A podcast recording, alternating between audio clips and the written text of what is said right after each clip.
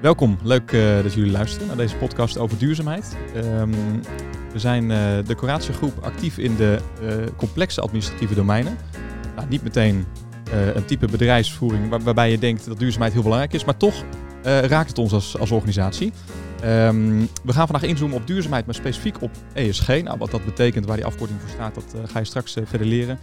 Um, ik denk heel belangrijk voor onze medewerkers om ja, te ontdekken hoe dat ons raakt hè, als bedrijf. Hoe we daarmee bezig zijn. Hoe we daar bezig zijn met beleid. Wat voor keuzes we maken.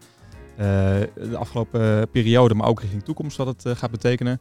Um, maar ook niet onbelangrijk denk ik dat je als consultant uh, de oog voor krijgt hoe groot dit thema is. En hoe dat ook bij je opdrachtgever misschien leeft. Want het, het, is echt een groot thema, ESG. Het is, het is een blijvend iets en het gaat alleen maar groter worden de komende jaren. Um, nou, mijn naam is uh, Leeman. Ik ben de host uh, van vandaag. En uh, naast mij zitten twee heren. Dat is aan de ene kant Edwin Groeneveld, CFO bij de Coratio Groep. Welkom. en Wouter Elbers, relatiemanager ESG. laten we onszelf eerst even voorstellen. En dan ben ik ook benieuwd naar jullie link met het thema duurzaamheid. Wouter, wij kennen elkaar al een tijd. Jij bent al, um, al best wel een tijd werkzaam. Hoe lang ben jij werkzaam bij de Coratio Groep? Ik werk nu zes jaar als accountmanager bij Verhoeven. Met label Finance Control. Ja, exact. En, en vanaf wanneer begon het thema ESG te gaan leven? Wanneer kwam je er tegen bij, bij opdrachtgevers bijvoorbeeld? Um, dat is ruim een jaar geleden. Toen uh, kwam ik in, raking, in aanraking via een partner op het gebied van data. Um, die um, met ESG-data in aanraking kwam. En nou, kwam via hem ook weer in contact met een duurzaamheidsadviseur. Nou ja, en vanaf dat moment ging het mij boeien en interesseren in relatie tot ons vakgebied. Ja, zelfs tot zover dat je dus nu ook je er echt meer op kan toeleggen. Ja, absoluut. Um, mijn visie is al een aantal jaren dat de controller binnen het finance uh, en control domein uh, eigenlijk vanuit een breder perspectief moet kijken naar bedrijfsvoering. Dus niet alleen naar de financiële cijfers.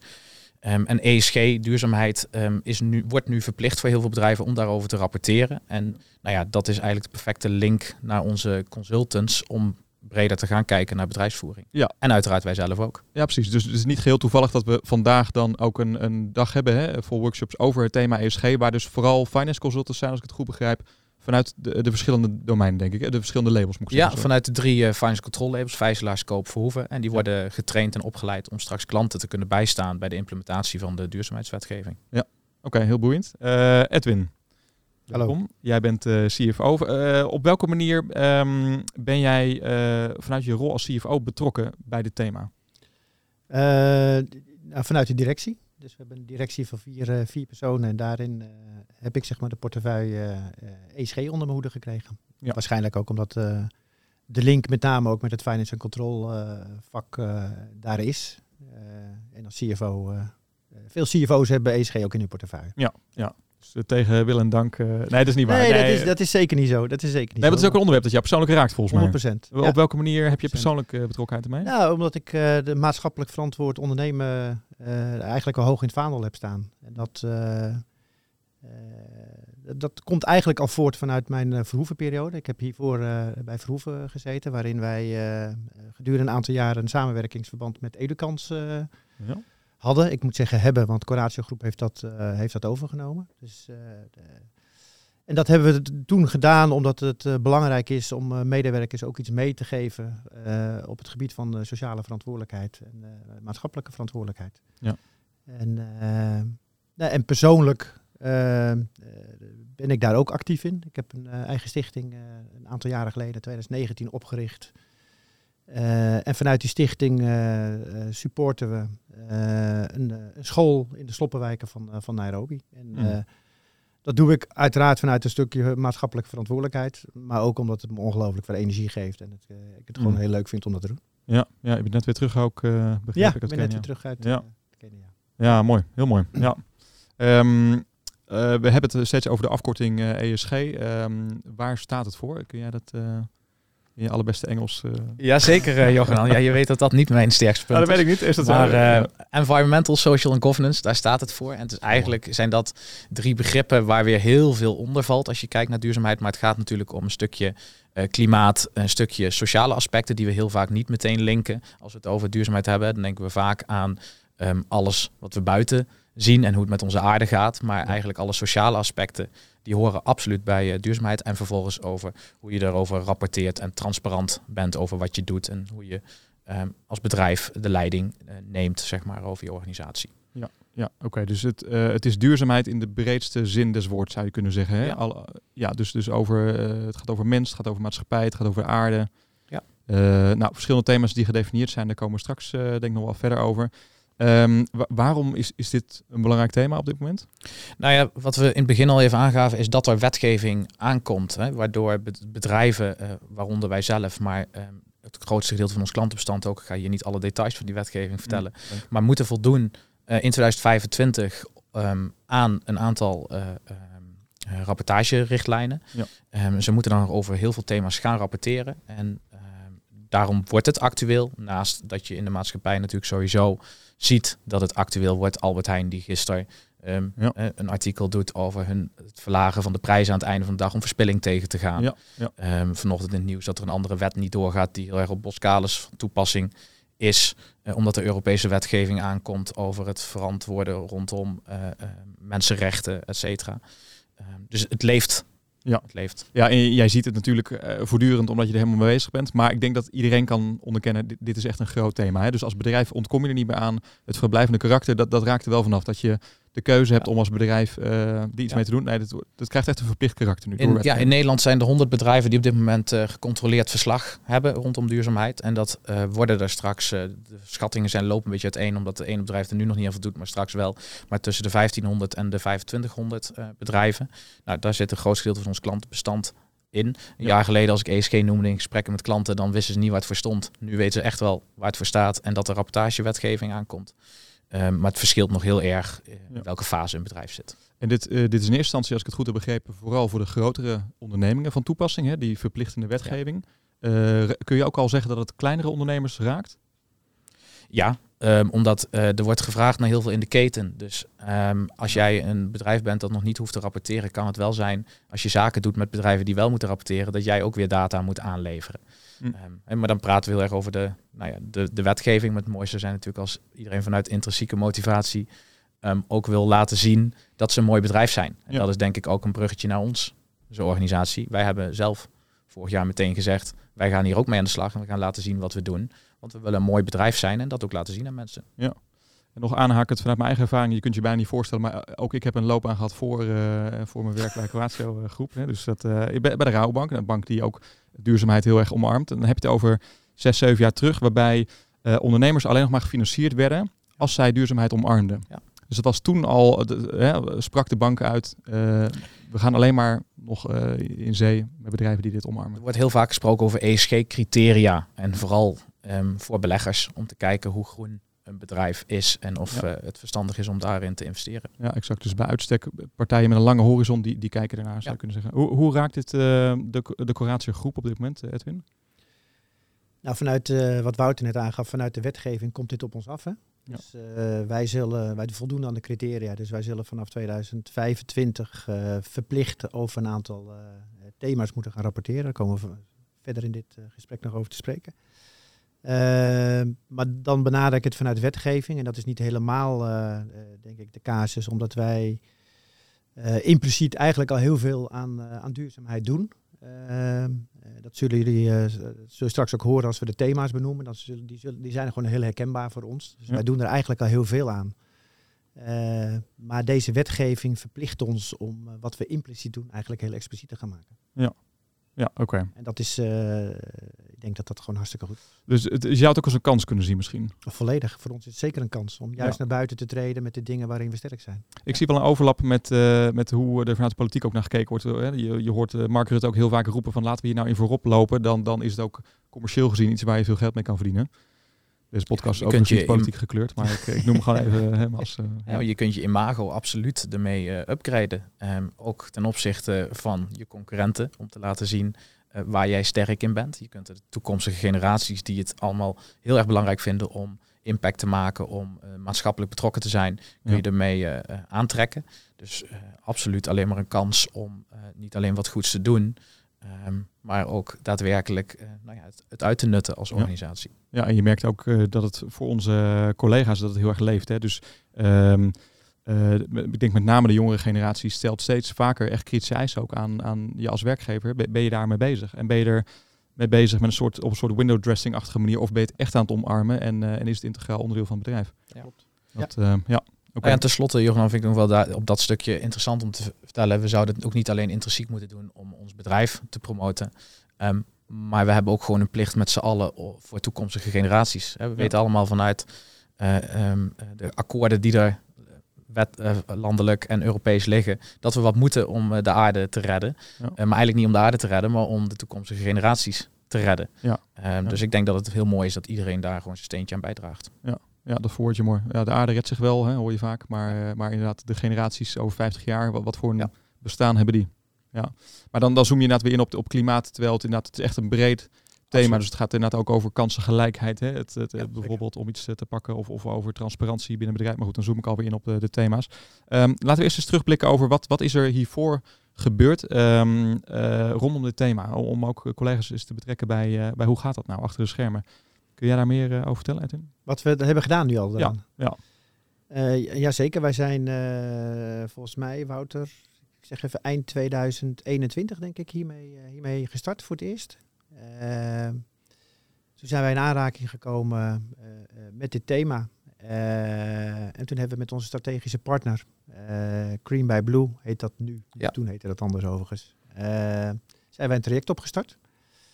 En dat traject houdt in dat wij eigenlijk 2022 hebben gebruikt om, uh, uh, om een aantal strategische keuzes te maken op welke thema's uh, wij ons gaan richten als bedrijf. Hm. welke van ons belangrijk zijn. Dat is een ongelofelijke lijst met, met thema's waaruit je kan kiezen. En uiteindelijk is het dan de bedoeling dat je daarin prioriteert. En uiteindelijk tot ja, ergens tussen de, de vier en de acht thema's komt. Ja. omdat het dan ook behapbaar is voor je als bedrijf. Ja, en jij wilde natuurlijk eigenlijk erg graag al die thema's gewoon uit je hoofd op, op de reunen om te laten ja. te bewijzen hoe goed je thuis bent in het thema. Ja, zeker. Maar kun je, kun je er een paar noemen? Dus, want we noemen net al een aantal, maar wat, wat voor, aan wat voor soort thema's moet je denken dan? Nou ja, de, de, de als je kijkt naar wat voor thema's wij, uh, wij gekozen hebben, dan, uh, dan ligt dat met name op de menskant, op de, op de medewerkerkant. Ja. Uh, dat is niet zo raar hè, voor een mensenbedrijf als ja. wij zijn. Uh, dus dat zit in de, in de opleiding uh, sfeer. Dus dat wij me medewerkers opleiden en ook medewerkers kansen geven, ook als ze geen diploma hebben en dergelijke, om ze wel zeg maar een carrièreperspectief te bieden. Dus dat is een belangrijke. Hm. een andere is, ja, ook bijvoorbeeld schadelijke uitstoot staat erop. Dat is milieu. Hm. Nou, dat is misschien een wat, een, een, een, zul je zeggen van, joh, past dat wel bij ons soort dienst? Ja, je, je denkt meteen hoogovers, hè? Een, datasteel bijvoorbeeld, waarbij dit waarschijnlijk prio nummer 1 is, kan me voorstellen. Ja, daar zal het een wat hogere prioriteit hebben. Dat, uh, uh, maar ook wij kunnen wel ons steentje bijdragen hierin met ons, met ons wagenpark bijvoorbeeld. Ja. Maar het, het, het, is, dit is ook wel een topic, en dan sluit ik een beetje aan wat Wouter net zei, wat, wat, maatschappelijk natuurlijk wel heel hoog op de agenda staat. Ja. en waarvan eigenlijk wel vanuit de wetgeving verwacht wordt dat ieder bedrijf hier ook wel iets mee doet. En ook al is het bij ons misschien een, een, een, een, een druppel in de glas water, hè, wat wij hier aan kunnen bijdragen, die druppel helpt ook. Oké, dus dat, dat is een aantal thema's die je nu meteen uitdiept. Uh, Wouter, kun jij meer woorden geven aan het proces, hoe we dan tot die thema's zijn gekomen? Ja, zeker. Nou, we zijn begonnen vorig jaar met een workshop waarin de OR, een aantal consultants, de directie, HR vertegenwoordigd waren. En daar hebben we eerst gekeken wat zijn nou de thema's die we zelf belangrijk vinden als je naar alle thema's kijkt waar je over zou kunnen rapporteren. Um, vervolgens hebben we een stakeholderanalyse gedaan en dat houdt in dat je um, met een aantal belangrijke uh, mensen rondom je organisatie, dus denk aan de investeringsmaatschappij, uh, denk aan medewerkers, denk aan ZZP'ers, klanten, in gesprek gaat over welke thema's zij vinden dat wij moeten rapporteren. Ja. En vervolgens hebben we die bij elkaar gebracht en daar hebben we uiteindelijk zeg maar de zes pijlers uitgekozen. Ja, en dat lijkt ook wel een beetje um, op, als je erover rapporteert, dan moet je volgens mij in die rapportage ook horizontaal input verzamelen, toch? Van, ja. van je ketenpartners bijvoorbeeld. Ja, zeker. Je ja. hebt gewoon een aantal verplichtingen die je straks moet vastleggen en ook hoe je tot je strategie rondom duurzaamheid, die je weer moet aansluiten op je eigen strategie, ja. Um, zeg maar, ja, moet komen. En uh, daarvoor is je stakeholderanalyse, maar risicoanalyse, materialiteitsanalyse zijn daar onderdelen van. Ja, ja. Oké, ja, veel ingewikkelde termen. Ja, risicoanalyse hebben mensen een gevoel bij. Wat is materie materialiteit? Bepalen um, met de business die wij doen, welke thema's dan sowieso voor ons dus bepalend zijn. En die zullen ook later nog op brancheniveau wel ehm, door de wetgever ehm, ook bepaald worden. Maar je kunt zelf natuurlijk ook uh, een analyse maken waaruit komt dat opleiding en onderwijs bijvoorbeeld voor ons een superbelangrijk thema is als je met nou ja, 800 consultants werkt. Ja, oké. Okay. Er kwamen een paar termen voorbij, ging vrij snel, een paar thema's voorbij. Nog even één keer opsommend. Welke zes thema's hebben wij nu gedefinieerd? Ja, dan geef ik hem Edwin. ik te doen? Ja, ja. Weet dat je, Edwin weet het namelijk uit zijn hoofd. Dat is wel voordeel. Ik, heb een, uh, dat, ik oh. heb een briefje, Johan, oh. dankjewel. Oké. Okay. Uh, ja, de, de, een paar heb ik al genoemd, maar ik zal ze nog even, even noemen, want ik denk dat dat voor, uh, voor, het, uh, voor, voor, onze medewerkers wel leuk is om, om, om te horen. De, ja. de, de, schadelijke uitstoot, nou, dat staat dus voor de, voor de CO2 en de, en de omgeving. Ik heb net iets over gezegd. en jouw opmerking over Tata Steel is daar terecht, maar wij kunnen ons daar ook zeker een steentje bij bijdragen. De tweede is opleiding en onderwijs. Nou, die heb ik net ook al even genoemd. Die is, ja, die is evident. Hè? Wij, wij staan als opleider bekend. Ja. En uh, ook het opleiden van, uh, uh, van medewerkers die geen afgeronde opleiding hebben. Daarmee zeg maar, help je ook die aan een, aan een, aan een vervolgcarrière. Ja, dus je werkt eigenlijk ook direct, je draagt direct bij aan kansengelijkheid, zou je kunnen zeggen. Ja, dat is heel, ja, dat is correct. Ja. ja, dat is correct. Nou, de volgende, uh, die past daar, uh, die sluit er mooi op aan, dat is inclusiviteit. Hm. Uh, dat is natuurlijk een ongelooflijk actueel onderwerp op, op dit moment. De, dus gelijke kansen voor iedereen. Waarbij het, het opleidingsaspect noemde je net al even, maar dat gaat natuurlijk breder. Hè? Dus dat wij geen onderscheid maken in, in achtergrond, gender, ja.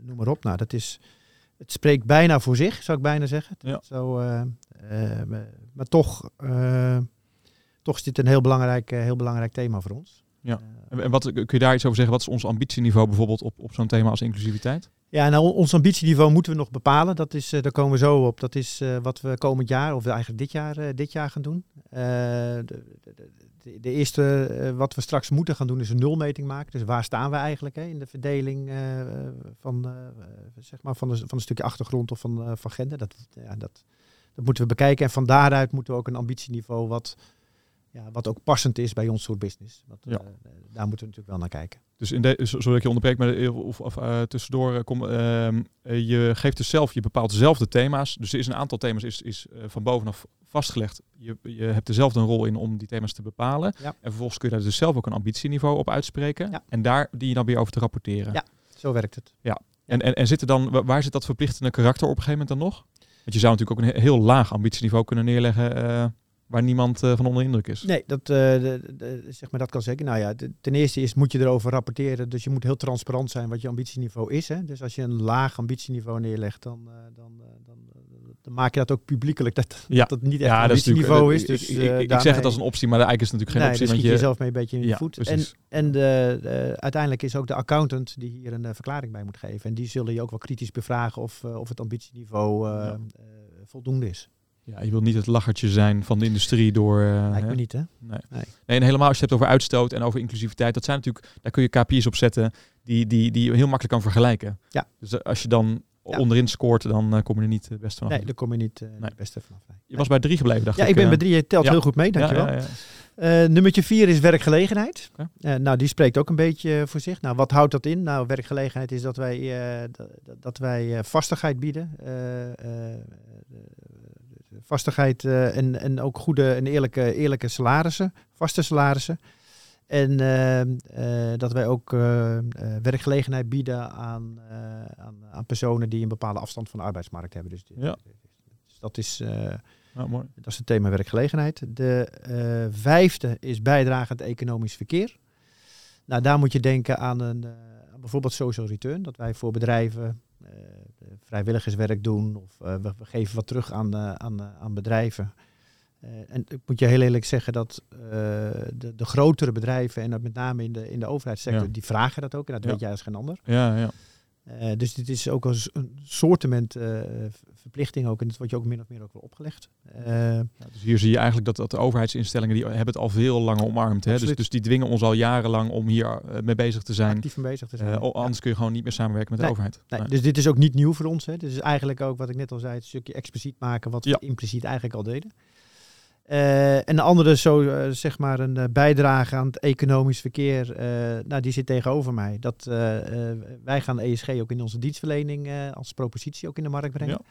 Dus dat betekent dat wij andere bedrijven gaan helpen naar hun migratie naar ESG-conform worden. Of, en daarmee leveren wij met die dienstverlening ook een bijdrage aan, aan het economisch verkeer op het gebied van ESG. Ja, ja duidelijk. Uh, en daarmee gaan uh, dus onze doelstellingen, maar ook onze commerciële doelstellingen eigenlijk een beetje hand in hand. Dus ja. dat, is wel een, dat is wel een mooie. En de laatste is governance. En governance is eigenlijk transparant zijn over de informatie die je geeft. En, ja. Nou ja, ik denk dat ook dat niet nieuw is. Want ik denk dat wij in onze informatievoorziening al behoorlijk transparant zijn. Maar ja. Dat, dus dat is het lijstje. Ja, mooi. Mooie uh, lijst uh, met thema's. Ja. Um, de, we hebben teruggeblikt op wat er gebeurd is de afgelopen uh, periode, of eigenlijk sinds 2021. Afgelopen jaar was een bepalend jaar daarvoor. Hè. Um, korte blik naar voren, naar de toekomst. Wat, wat kunnen mensen verwachten hoe we hier mee aan de slag gaan? Dat we eigenlijk invulling gaan geven aan deze zes pijlers op een stukje beleid. dus waar dat beleid er nog niet is, of waar we dat dus dadelijk echt ook nog moeten gaan publiceren. Um, er is nu een stuurgroep geformuleerd met Edwin natuurlijk als eindverantwoordelijke vanuit directie erin, maar op alle thema's gekeken. Wie is daar in de organisatie verantwoordelijk voor? Dus een Anneke vanuit HR bijvoorbeeld voor een aantal uh, sociale aspecten. Um, en die stuurgroep die is nu bezig om de KPI's te formuleren om uh, dit jaar dus straks een nulmeting op deze pijlers te gaan doen. Ja. Um, en het doel is uiteindelijk om over een jaar te kunnen gaan rapporteren naar buiten toe. En dat we nou ja, deze processen allemaal goed hebben ingericht, zodat we hier goed over kunnen uh, rapporteren. Ja, en het, het kan heel snel een beetje bedrijfsjargonachtig overkomen. Hè? Dus we, stuurgroep, ja. KPI's, uh, nulmeting, uh, rapporteren. Maar het, het, wordt heel concreet. We moeten wel heel concreet worden natuurlijk, omdat je gewoon een ja. deadline hebt ook waar je naartoe aan het werken bent. Ja, en hoe mooi is het als je straks kan aantonen dat je zoveel uur aan opleiding en onderwijs per medewerker geeft, of dat je zo divers bent. Ik denk dat je daarmee toekomstige um, werknemers van ons kan aantrekken, omdat de collega van ons het nog niet kan aantonen. Of dat we ja. kunnen vergelijken en kunnen zien wie het op, op die stukken beter doet of duurzamer is. Um, en ik denk dat het mooi is als je bij een bedrijf werkt wat ook transparant wil zijn over hoeveel um, schadelijke uitstoot wij hebben. En dat we ja. daar ambities op hebben om dat te verbeteren. En dat, dat is dan bijvoorbeeld, om het heel concreet te maken, hoe gaan we daarover rapporteren naar de buitenwereld? Over bijvoorbeeld onze uitstoot? Is dat iets wat dan op de website te lezen is? Moet je daarvoor de jaarverslagen erbij pakken? Hoe, uh... Ja, we, beide denk ik. Dus dat, we zullen er zeker op de website iets over gaan melden, maar ook in de, in de jaarverslagen. En uh, in aanvulling op wat Wouter zegt, uh, misschien is dat ook nog wel leuk om te melden. We gaan natuurlijk een nulmeting doen voor de schadelijke uitstoot. Ja. Maar we gaan ook al in 2023 heel concreet daarmee aan de, aan de slag. Want uh, zoals je weet zijn ja, wij... we zijn op zoek naar een pand. Ja, we zijn op zoek naar een, naar een nieuw pand. Ja, ik kan me voorstellen dat mobiliteit is integraal onderdeel van hoe je kijkt naar precies. een nieuw pand. Hè? Ja, precies. Qua uitstoot dus, en ja. uh, reisbewegingen. Ja, nou ja, precies dat. Dus het is een, uh, in, in, die zin is het al, gaan we er al eigenlijk ook al heel concreet mee aan de slag. Ja. En, en, nemen we zeg maar de, de uitkomsten en waar we staan met, met CO2-uitstoot, gaan we meenemen in onze plannen. En hoe we ook dat act, actief kunnen gaan terugbrengen. Ja, dus ja. dus de, de keuze voor het pand, maar ook de keuze voor de mobiliteit. Ja. Nou, dus we gaan op korte termijn er meer over horen, denk ik, uh, langs allerlei uh, lijnen. En de, de consultants binnen het finance domein, die, die krijg je sowieso heel veel uh, mee te ja. maken natuurlijk. in de klantgesprekken komt dit veel voorbij hè, met, met ondernemers ja. om, om hen ook te challengen. Hoe, hoe zijn jullie hiermee bezig? Leeft het al? Heb je, hoe ben je het aan het implementeren? Hoe, hoe schrijf je beleid? Heb je capaciteit om, om dit vorm te geven? Dit komt natuurlijk op elke organisatie af die, die, ja. ja, die naar de toekomst duurzaam wil zijn. Dus um, ja, het is wel, we gaan hier nog veel van horen, denk ik. Um, concreet misschien afrondend. Um, we hebben nu ingezoomd op, uh, op, op een aantal van die thema's. Hè. Of vooral hoog over hebben we eigenlijk ingezoomd hoe we daar als organisatie mee bezig zijn. Uh, in het vervolg gaan we uh, ook verder inzoomen op die thema's. Dus dit is een aftrap van een serie podcasts. En, um, maar dan zullen we ook dieper in, erop ingaan met de betrokkenen. Hè. Dus nou, meerdere stakeholders die daar echt direct bij betrokken zijn of in zo'n stuurgroep zitten bijvoorbeeld. Ja. Oké, okay, waardevol om zo een eerste aftrap te doen, uh, heren. Dit is een, uh, dit is een prachtig thema. Ja, maar, het is een heel, uh, zeker heel actueel en ja. wordt vervolgd. Ja, ja, wat ik wel leuk vind, Jochen, om nog aan te geven, we hebben op QVU een duurzaamheidspagina. En daar staan nou, steeds meer artikelen op, maar ook een paper om te lezen. Daar zullen we ook straks een link naar de podcast natuurlijk zetten, maar ook, um, ook laten zien wat we intern doen. Dus het is voor iedereen ook die het leuk vindt om meer over te lezen, kijk daarop. Heb je vragen, kom ook vooral bij ons in de lucht. Uh, ook als je denkt bij klanten, hey, ik hoor ze erover en ik zou er wat mee willen. Nou ja, we kunnen klanten ook helpen verduurzamen. Ja. Dus ik denk dat er heel veel kansen liggen om uh, er meer mee te gaan doen voor iedereen in de organisatie. Ja, dus de Edwins 06 nummer ook overal delen, dan ja. kunnen mensen hem ook een beetje over. Geen probleem. Dat is geen probleem, ja. Zo benaderen Oké, dank voor jullie aanwezigheid, heren. Ja, Nee, ook bedankt.